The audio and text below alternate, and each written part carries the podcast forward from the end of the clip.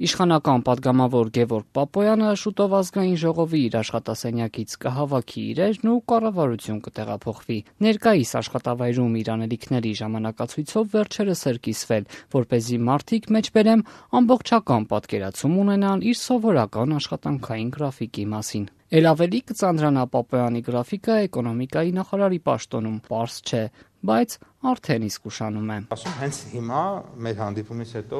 որին ասեն ես հիմա ուշանում եմ, մեկ մեկ այլ հանդիպում ունեմ մեր այս ճեպազրույցից հետո։ Տնտեսագիտության դոցենտ, դասախոս ու 8 գիտական հրապարակում։ Սա էկոնոմիկայի հաջորդ նախարարի գիտական կարիերան է։ Աշխատանքային փորձն էլ խորհրդարանի կայքում է։ Բրենդային հագուստների դիստրիբյուտոր ընկերություններում մարքեթինգային հետազոտությունների մասնագետի հաստիքից փոխտնօրենի պաշտոնին է հասել։ Գևորգ Պապոյանը թեև մինչ բոլոր բոլորովին վերջերս պնդում էր Վահան Քերոբյանի հրաժարականից հետո թափուր մնացած պաշտոնը չի ուզում եւ ոչ էլ նման հավակնություններ ունի։ Ես ազգային ժողովում դեռ ունեմ անելիք։ Բայց իշխող կուսակցությունը նախորդին հենց նրա տեխնացությանը հավանություն տվեց։ Եթե շնորհավորելու բան է, շնորհակալ եմ։ Մեծ պատասխանատվություն է, ոչ թե ուրախանալու բան։ Լրագրողներից մեկի շնորհավորանքին այսպես արձագանքեց հաջորդ նախարարը։ 37-ամյա Պապոյանը սոցցանցերում է շատ ակտիվ։ Վերջերս օրինակ տեղեկացրել էր մտածած հայկական կոնյակնան թույլատրելի նվեր է համարել ու հետ ուղարկել, շնորհակալություն հայտնելով։ Տնտեսական աճի խոստումը նույնպես ոչ միայն կատարված է, այլ նաև նորից գերակատարված։ Ավելի քան 5 տարի падգամավոր աշխատած Պապոյանը տնտեսական ցուցանիշներից ամենաշատը խոսող իշխանականներից է։ Վերջին տվյալները քաղաքացիական պայմանագրի իշխանության առաջին տարվա 2018-ի հետ համեմատելու առաջամարտիկներից։ Վերջերս օրինակ գրել էր. Այս հունվարին 2018-ի համեմատ ավելի քան 3 անգամ շատ շատ հարկ է հավաքվել։ Տնտեսագետները տնտեսագիտության դոցենտ Պապոյանի հայտարարությունները ժամանակ առ ժամանակ մանիպուլյատիվ են որակում։ Օրինակ, անցած տարեվերջին падգամավորը հղում անելով արժույթի միջազգային հիմնադրամի տվյալներին բարձեցել էր Հայաստանը պատմության մեջ առաջին անգամ մեկ շնչին ընկնող համախառը ներքին արդյունքով տարածաշրջանի առաջատարը կլինի։ Այս տարվա տվյալներով այդ ցուցանիշը կազմի